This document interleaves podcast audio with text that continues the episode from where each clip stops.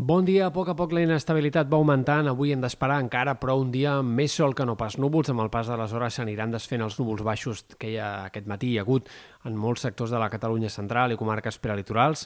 Atents, però, al vespre i primeres hores de la nit perquè hi ha d'haver un primer focus de tempestes fortes, sobretot sobre el mar,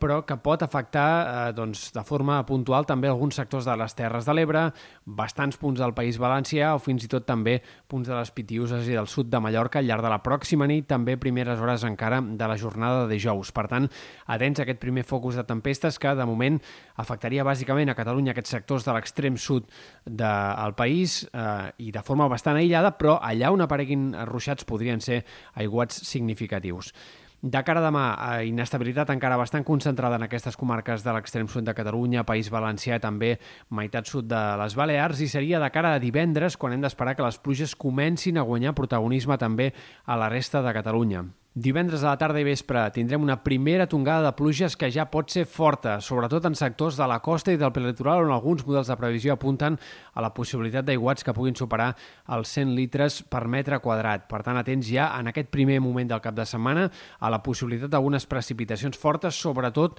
a prop de la costa. Els models de previsió també semblen apuntar cap a una segona tongada de pluges més abundant, més general cap a dissabte a la tarda vespre. En aquest cas, penetraria més la precipitació abundant cap a sectors de la Catalunya central, punts del Prepirineu, fins i tot sectors del Pirineu, i per tant serien pluges molt generals i que especialment serien abundants, sembla, en aquests sectors tant de la costa com també de comarques de la Catalunya central i del Pirineu i Prepirineu. I de cara al diumenge el temps és més incert, és possible que segueixin encara aquestes pluges intenses, sobretot a prop de mar, però també és possible que a poc a poc vagin disminuint. Haurem d'esperar per concretar una mica més encara sobre com pinta el temps de diumenge. En tot cas, el, en general, les acumulacions més importants sembla que apunten clarament cap a sectors de la costa, tot i que plourà de forma general aquest cap de setmana, però segurament amb quantitats que eh, seran sobretot importants en aquests sectors pròxims a la costa i en menor mesura també en punts de la Catalunya central i eh, sectors del Pirineu i del Prepirineu. Això és el que semblen apuntar hores d'ara els models de previsió, però insistim que encara hi ha incertesa i que encara poden canviar les coses d'aquí al cap de setmana, sobretot de cara a diumenge.